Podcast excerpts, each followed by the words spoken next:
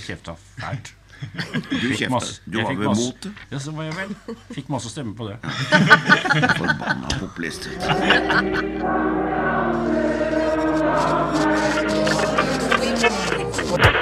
Frihet, frihet, likhet, likhet, podkast. Velkommen til episode 24 av Frihet, likhet podkast. Jeg er som vanlig Torstein, og med meg har jeg Martin. Og Eva. Og i dag har vi med oss noen helt spesielle gjester. Men eh, aller, aller først må vi jo gå gjennom eh, sakslista. Vi har, eh, har gjestene, da. Og så eh, har vi eh, aktuelt. Litt eh, med, med, med ukens medbrakt. Og så eventuelt til slutt. Høres sakslista grei ut? Sakslista er fin. Da banker vi sakslista igjennom. Og først til våre gjester. Vi er veldig glad for å ha fått med oss eh, Arbeiderpartiets Martin Kolberg og Fremskrittspartiets Carl I. Hagen i podden vår. Velkommen. Tusen takk. Tusen takk. tusen takk. Du, Vi fikk denne ideen om å invitere dere når dere begge to liksom heiv dere litt spontant på i en debatt vi hadde i utdanningskomiteen.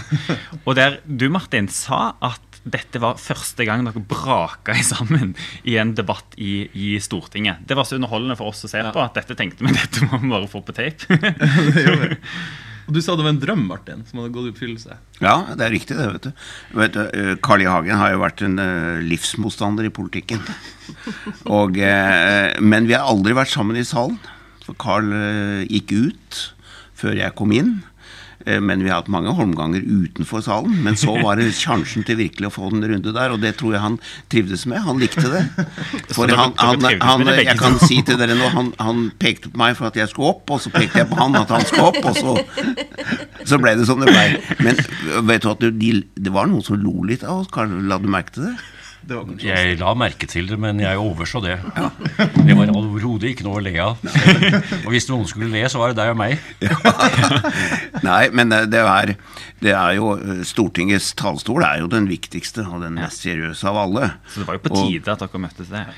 Og vi lo, vi lo for at vi var litt sånn barnslig oppspilt. For det var gøy. Også. Dere braka sammen i vår debatt. På, Ja, det var jo dere som hadde debatten, men eh, vi overtok den litt. Da. ja. Og vi overtok den jo på et, et, tema som, eh, som er Martins favorittema, altså fagbevegelsen, fagbevegelsen, fagbevegelsen.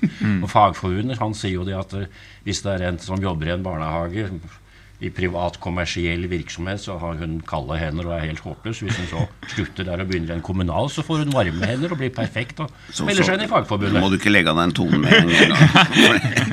For, det, det, som jeg, det, det som jeg har lyst til å si, det er at det som jeg og nå, eh, Vi skal jo være litt morsomme, som det heter, men vi skal være litt alvorlige òg. Og det, jeg vil si at det som jo eh, Carl I. Hagen skal ha, det er to ting som jeg har lyst til å si eh, alvorlig. Jeg har jo, som eh, en del vet da, eh, Carl, at eh, jeg har vært veldig mye organisasjonsarbeider gjennom mitt liv.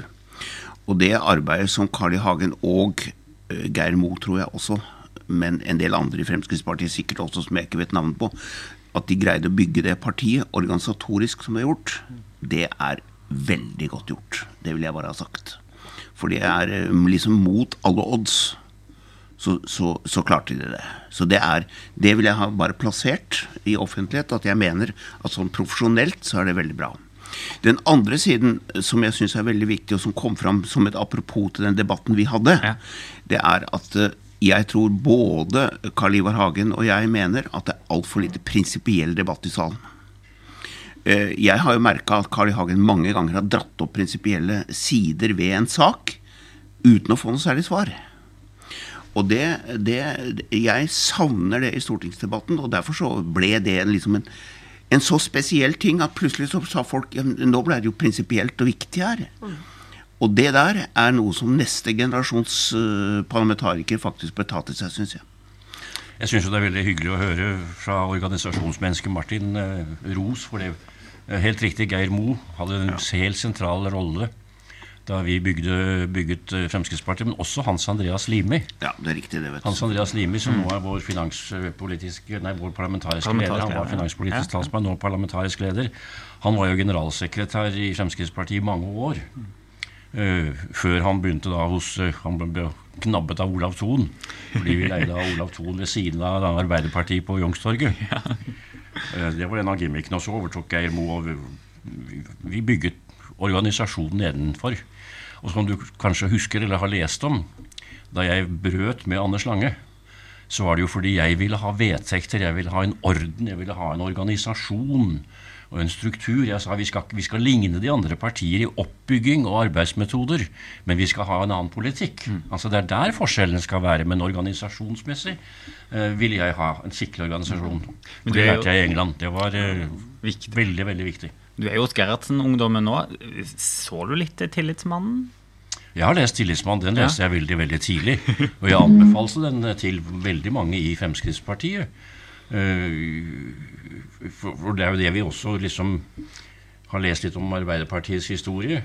Det var jo organisasjonsbyggingen. Jeg vet ikke om du vet, Jeg har en søster som er professor og har, kan mer om Martin eh, Tranmæl enn noen andre. Har skrevet eh, avhandling om, om han. Eh, om kampene på liksom eh, 1918 og 17. Hun skrev en svær, tjukk bok om bare to år av Arbeiderpartiets historie. Det var skikkelig interessant. Men det, er- det er klart at uh, det, det som er uh, skal ikke dvele for lenge med det, det er bare å legge til at det normale er jo at partier av Fremskrittspartiets type ikke har denne organisasjonsstrukturen. Og uh, hvis du ser rundt i Europa, så har de ikke det. Og da klarer de seg ikke så godt heller, over tid. Eh, Og en av grunnene til at vi har klart oss, også Arbeiderpartiet har klart seg sånn, det er jo at vi har hatt orden i sysakene og hatt en organisasjon og en struktur, og en organisasjon som fanger opp medlemmer og menneskers oppfatninger og meninger. Og det har Fremskrittspartiet eh, klart, og det, er derfor jeg utkvitterer det. Men så er det klart at Fremskrittspartiet har jo representert en voldsom utfordring for den sosialdemokratiske samfunnstenkningen. Eh, fordi vi så ikke tidlig nok hva Carl I. Hagen kunne eh, utfordre oss på. Vi Nå er, du litt, nå er du rett og slett litt inne på den kjente debatten som man har kalt Frp-koden. Som til og med du Ja. kalte Frp-koden. Ja, fordi at, ja jeg, det var nesten jeg som skapte det navnet. og Det, det kan jeg fortelle kanskje her hvordan det skjedde. Ja, det. det, var, det var bare et nyttårsintervju med Kirsten Karlsen i Dagbladet. Og da hadde vi jo vunnet valget i 2005. Mm. Og det var jo en seier, selvfølgelig. Rød-grønt og alt det som fulgte med. Og så spurte hun ja, men hva med Fremskrittspartiet? Mm. Og så sa jeg helt inntil, sånn at ja, men det er en kode. Fordi at det er, Jeg forstår det ikke helt hvorfor i sterke gåseøyne nå eh, våre folk stemmer på Fremskrittspartiet. Det må vi finne ut av. Det er en kode for oss. Og dermed var det uttrykket eh, skapt. altså. For det er en kode, det. Og det er et eksempel på Nå er det alvorlig her, merker jeg, men, men, men det, er, det er jo vi som Vi burde jo greid å hindre utviklingen av Fremskrittspartiet. Men det klarte vi altså ikke. Og eh, det var jo også fordi at Fremskrittspartiet og under Carl I. Hagens ledelse klarte å manøvrere seg inn i en posisjon eh, hvor de mente, greide å gi gjenklang på strømninger som vi burde fange opp. Det er en selvkritikk som jeg syns alle bør ta. rett og slett. Det er helt riktig, og Hvis du vil ha svaret på koden, så kan jeg gi deg den. I, i den forstand at uh, hvis du får tak i min landsmøtetale i 1988, så har du koden. Uh, jeg holdt en landsmøtetale i Bergen. Det var første gang man åpnet for direkte overføring i fjernsynet.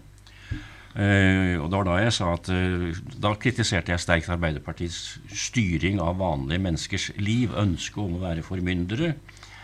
Jeg husker jeg sa at eh, når dere forlater Arbeiderpartiet og stemmer Fremskrittspartiet, så husk at det er Arbeiderpartiet som egentlig har forlatt dere. Det var da jeg lanserte Fremskrittspartiet som det nye Arbeiderpartiet, altså vanlige folks parti, opptatt av dagligdagse ting.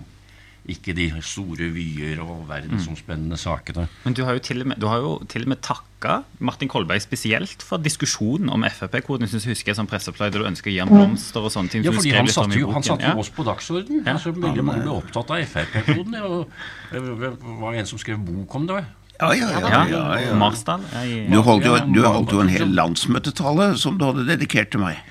Ja, Det gjorde jeg òg. ja du husker ja, ja. Du var jo en av våre beste Ja, stemmesangere. ja han, han påsto det, men, ja, det, men det er det å si at jeg mener jo at jeg har avslørt Frp-koden.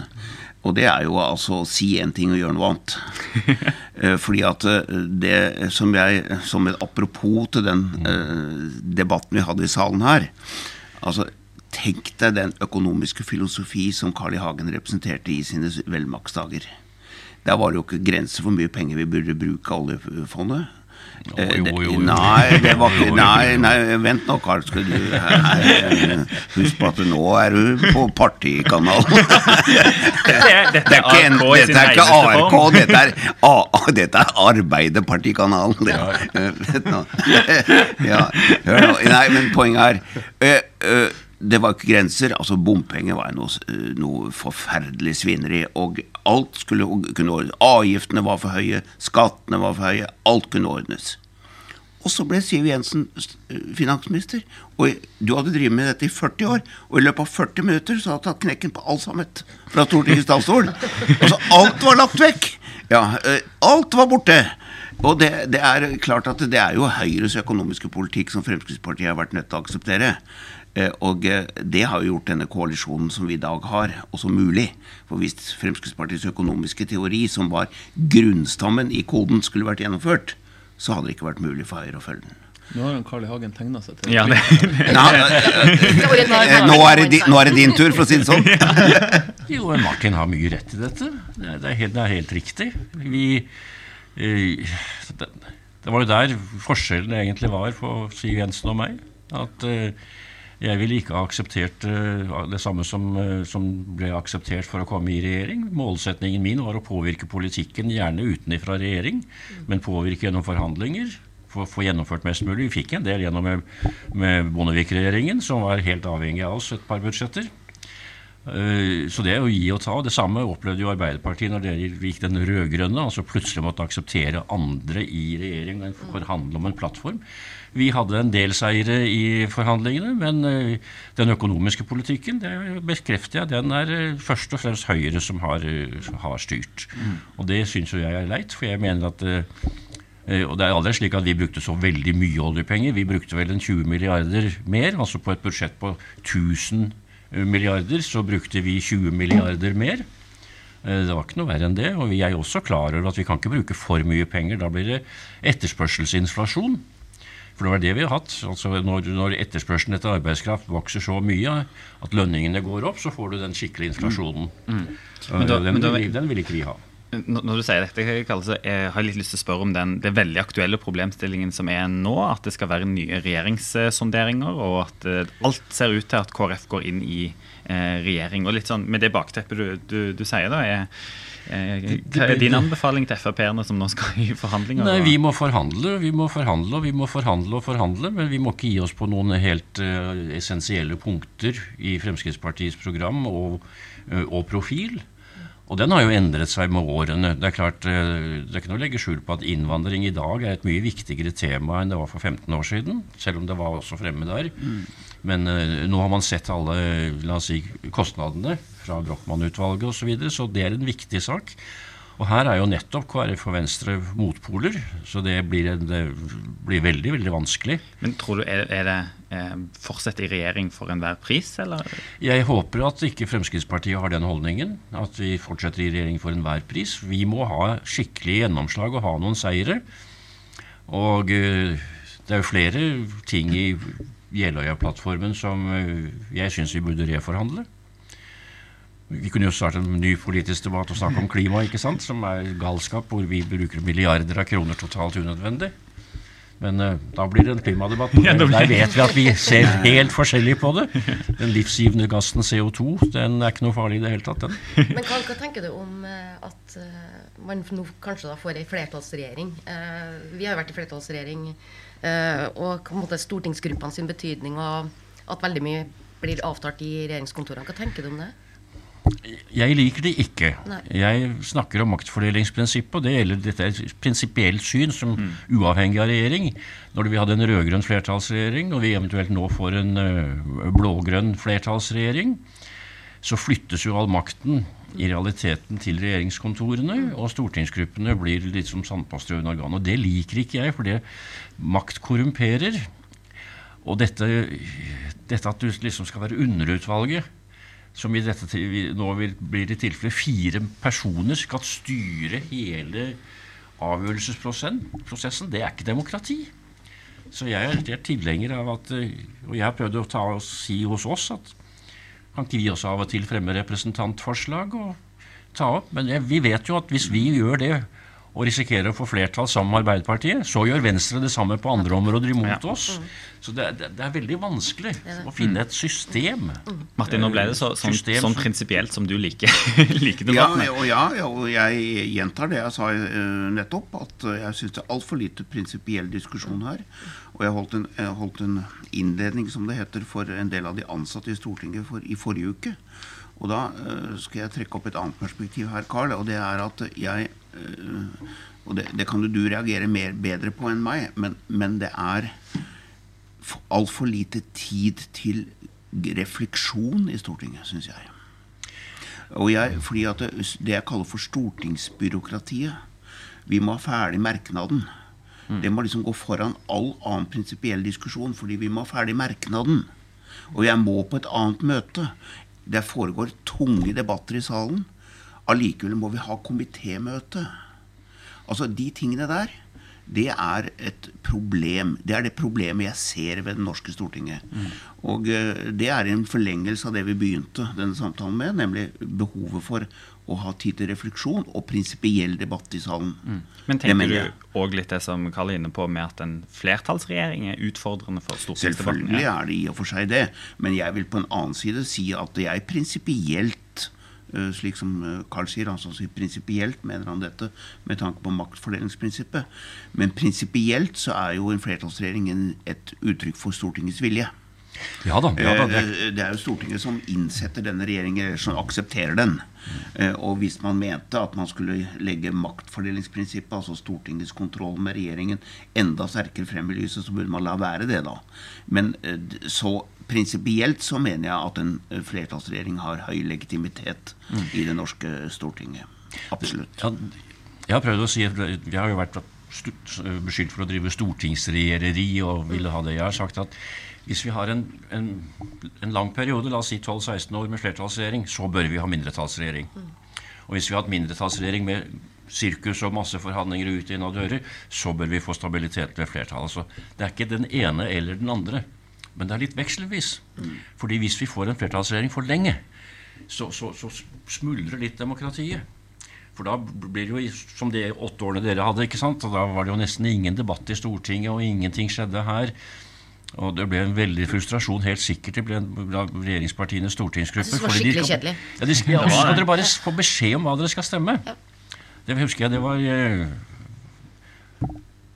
En av de historiene jeg hørte når jeg kom i Stortinget på 70-tallet første gangen, det var at da kom eh, en annen fra Halden, en statsråd fra han, redaktøren.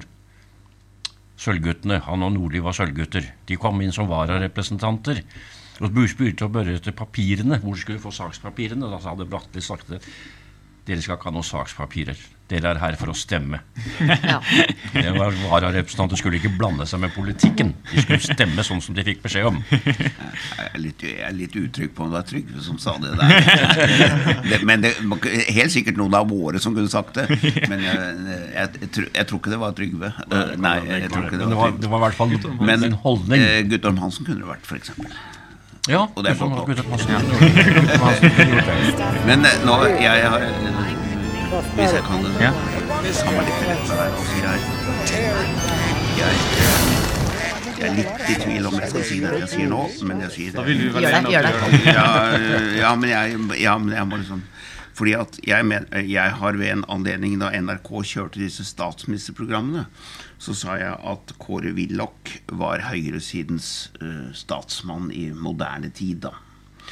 Eh, jeg mener at Carl I. Hagen også, når du tenker på liksom hans rolle, så er han i den samme kategorien. Dette vil ikke Willoch like mye, altså, men eh, Carl I. Hagen sitter og gliser litt. Ja, Carl I. Hagen smiler bredt nå.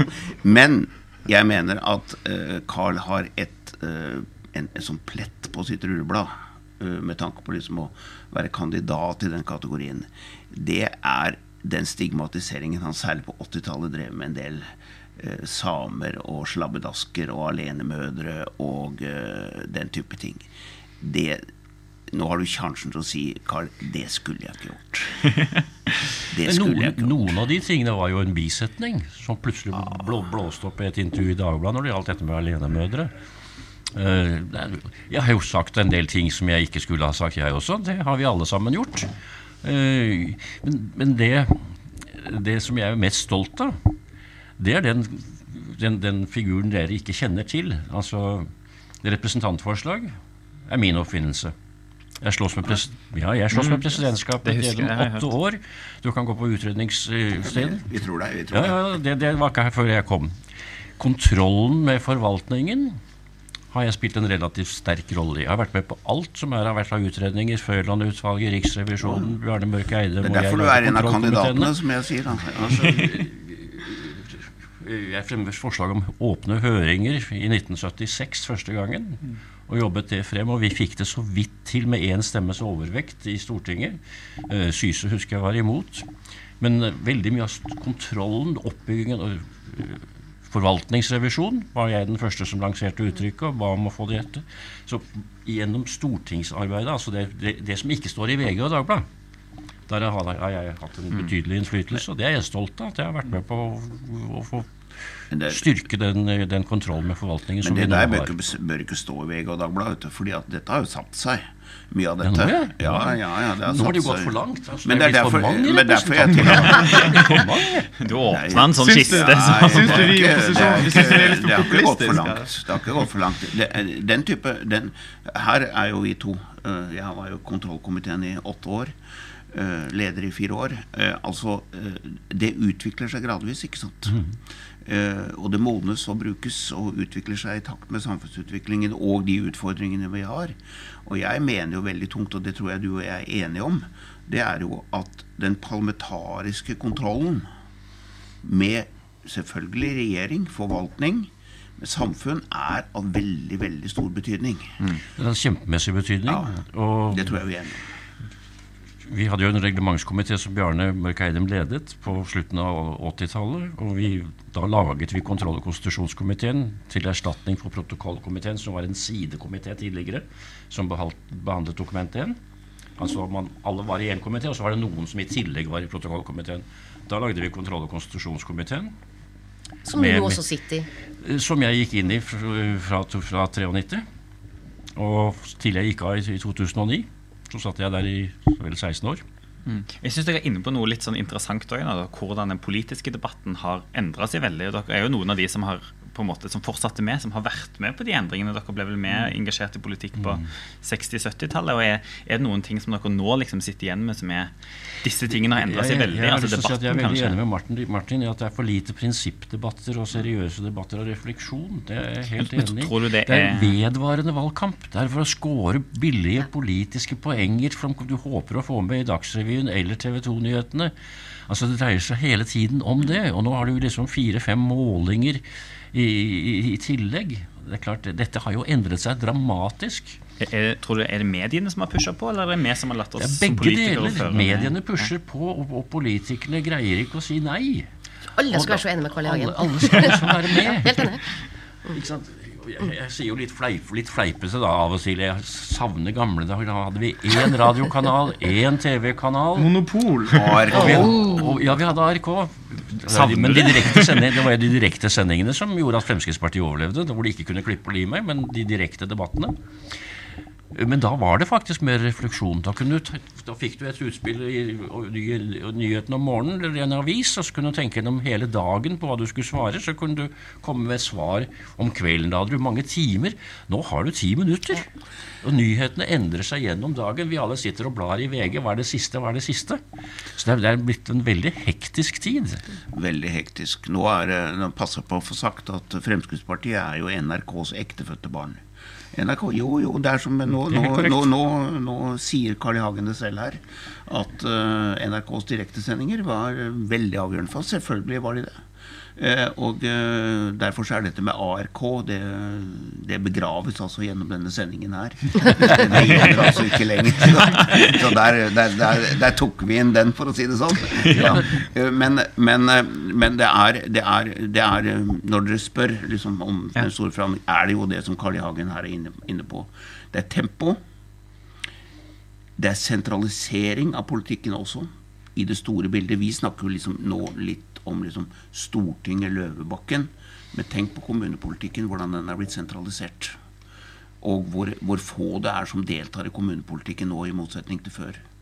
Og eh, Nå skal jeg ikke dra opp det som det heter, men den sentraliseringen som nå foregår gjennom regionaliseringen, vil jo forsterke dette voldsomt. Og jeg frykter at det betyr mer byråkratisk styring og mye mindre folkevalgt styring. Det jeg tror kan bli enden på visa.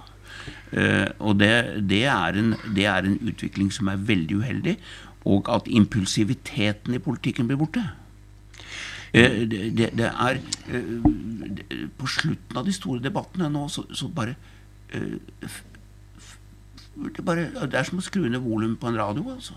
Da snakker du om finansdebatten Ja, og den type ting der det før ja. har vært en sånn slutt. Ja, ikke bare keiserrunde, men da liksom virkelig tatt oppgjøret. Nå er det akkurat som å skru ned volumet på radio. Og det, jeg må si at det bekymrer meg kraftig. Fordi at det, det tror jeg det gjelder, altså Dette gjelder jo ikke Carl I. Hagen, for han har absolutt tatt salen til de grader.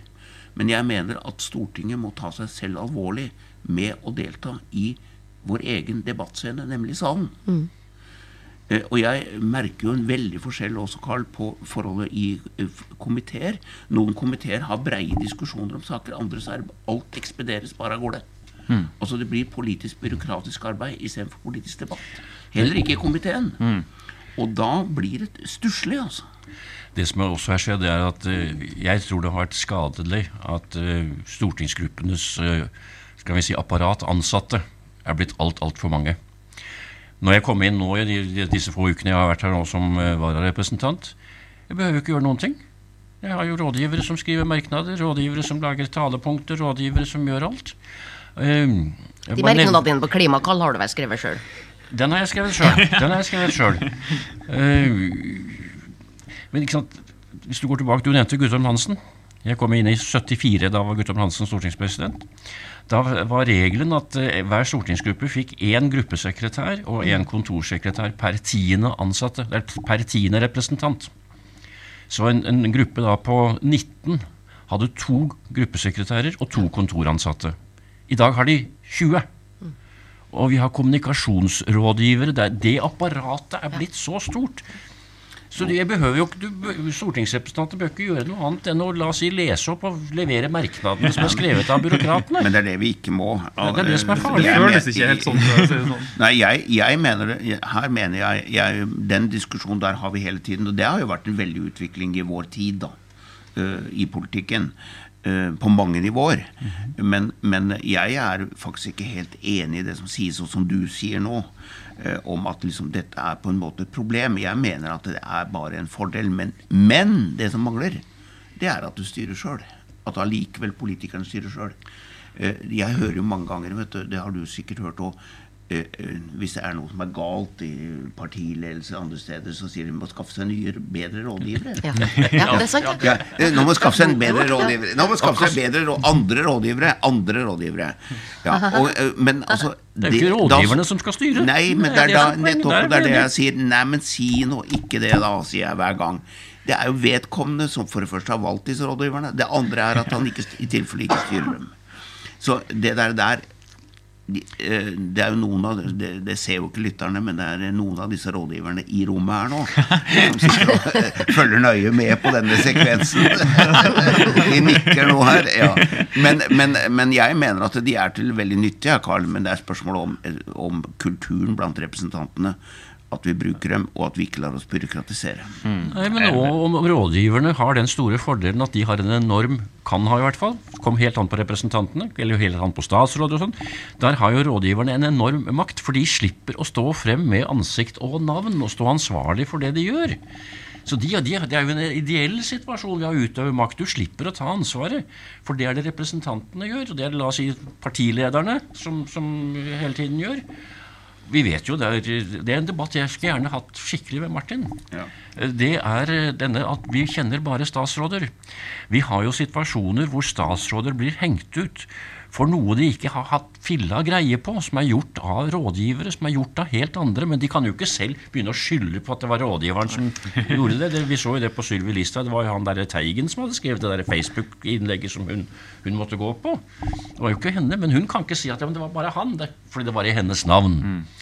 Jeg skulle ønske vi kunne få et system hvor hvis det var åpenbart at det er eh, et byråkrati, en ekspedisjonssjef eller sånt i et departement som har tatt den reelle beslutningen, da er det galt å henge ut statsråden og si at statsråden er ansvarlig. Jeg vet at det hele parlamentariske prinsippet bygger på det. Jeg syns det har gått litt for, litt, litt for langt. Hvis det er slik at det er åpenbart at en statsråd ikke egentlig har hatt noe med saken å gjøre, da er det galt å komme og snakke om mistillit mot statsråden. Eh, Nå, nå vil altså nærmer vi oss eh, dessverre slutten, jeg vil si. dessverre, Men derfor må jeg spørre dere, for dere er jo kjent for å være politikere altså, med sterke meninger. liksom bastante, bastante påstander opp, opp gjennom mange år. Men er det noen politikkområder der dere har, eller saker kanskje spesielt, der dere har endra mening? Der dere har påstått at dere har hatt helt rett, men i ettertid sett at her uh...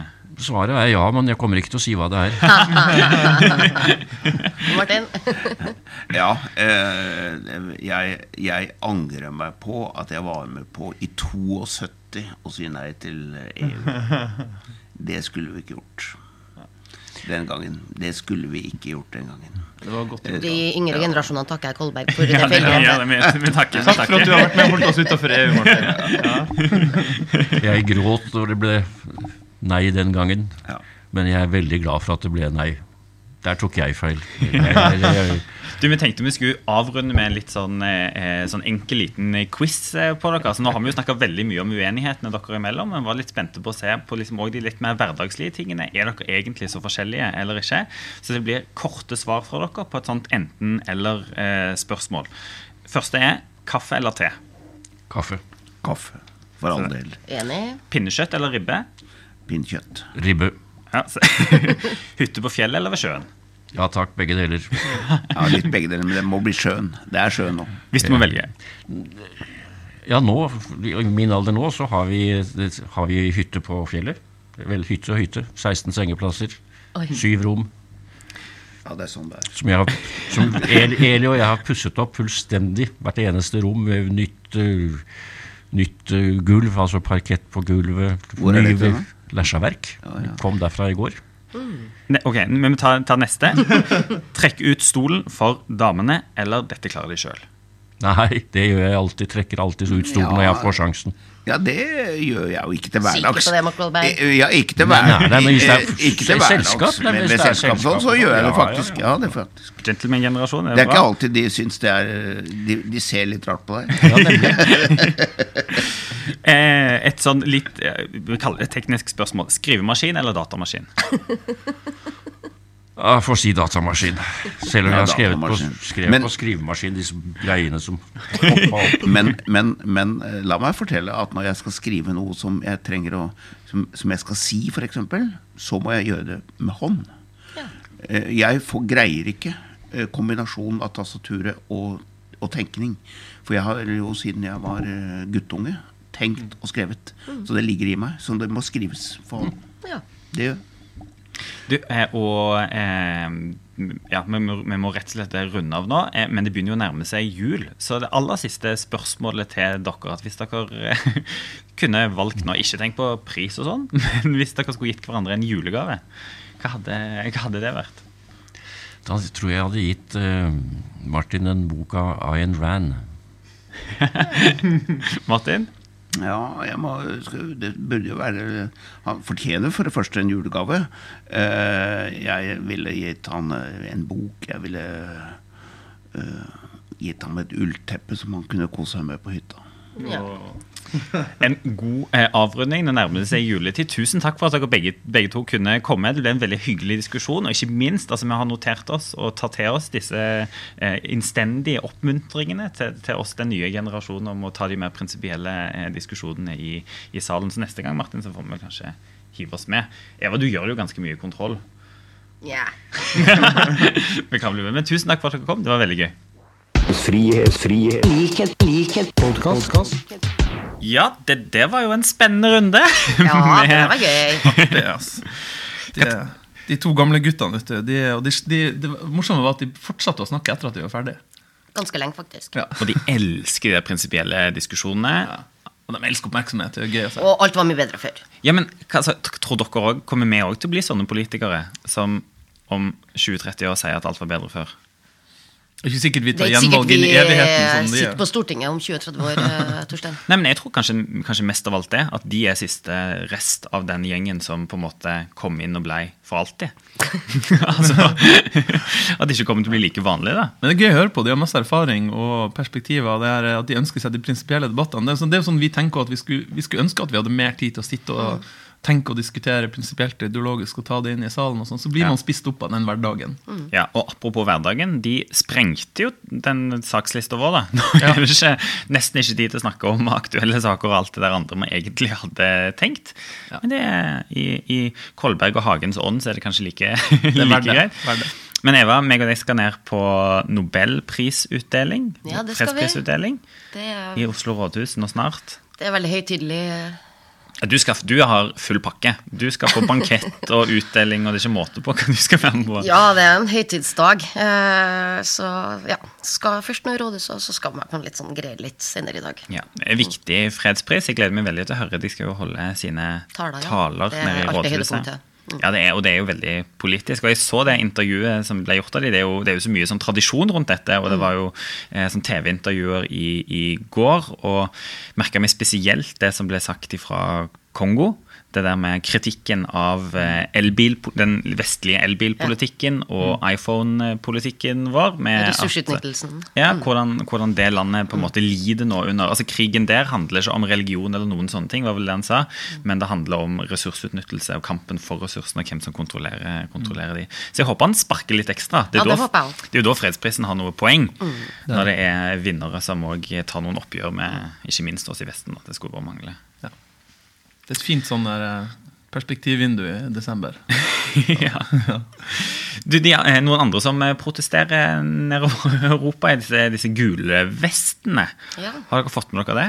I Frankrike. Ja. Mm. Altså folk med gule refleksvester i massive protester. Det er kjipt å være en sånn tilfeldig jogger som har jogget forbi. Tatt på seg gul Eller ha punktert bilen. ja, må stille opp. Det blir sånn opprørspoliti. Ja, du er også mot Macron, ja. Jeg skjønner det. Ja, det er presidenten har eh, innført eh, nye skatter og avgifter som rammer arbeiderklasse og middelklasse ganske hardt. Ja, altså, Blant annet bensinprisen er det store. Altså, jeg syns jo denne diskusjonen, eller debatten som er rundt det, da, er veldig interessant. Fordi det er altså både et veldig sånn klasseperspektiv, som du sier, Martin, med påføringen av, av eh, økte avgifter og skatter og sånt på, på arbeiderklassen, men at det handler i så stor grad om klima og miljø. Det er Macron sine liksom, nye klimaambisjoner, der han øker dieselavgiften.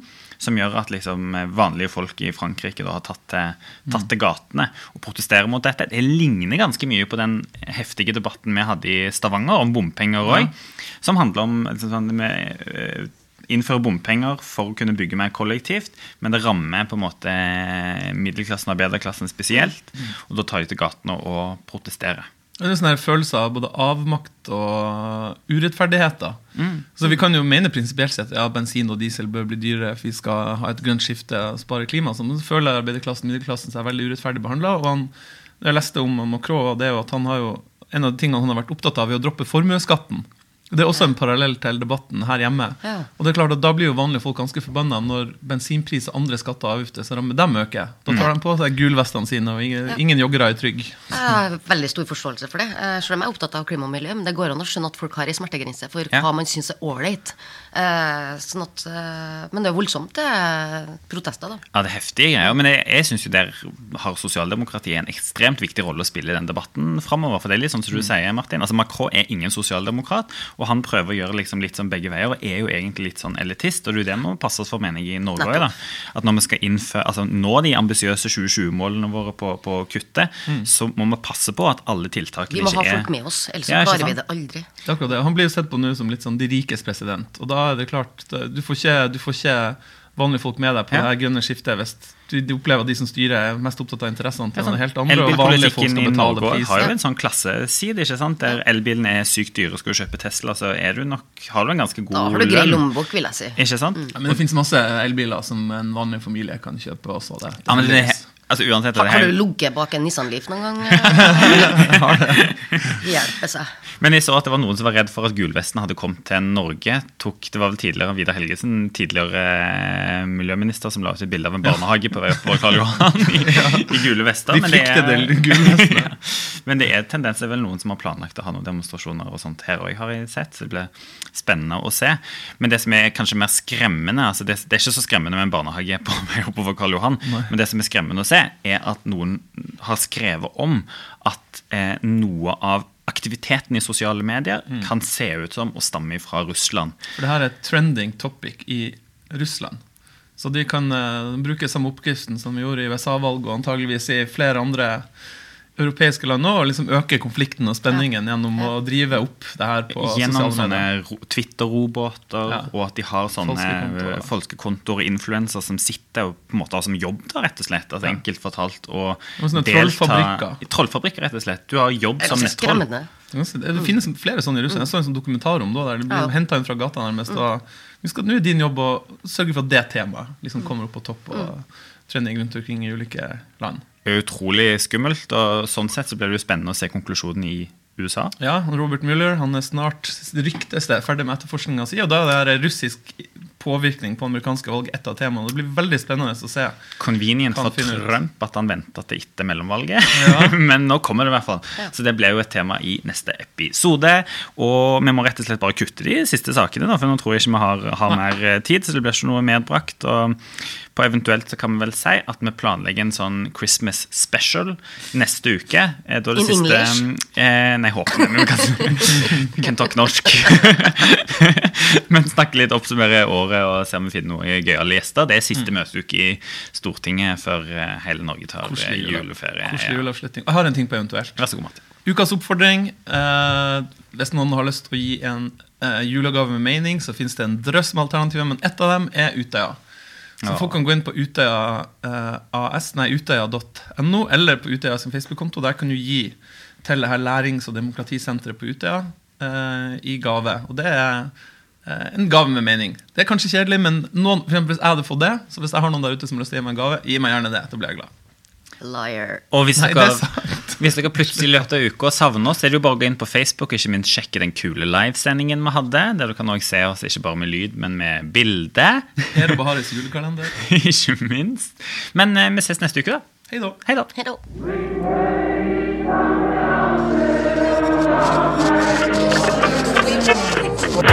Frihet, frihet, likhet, likhet, podkast.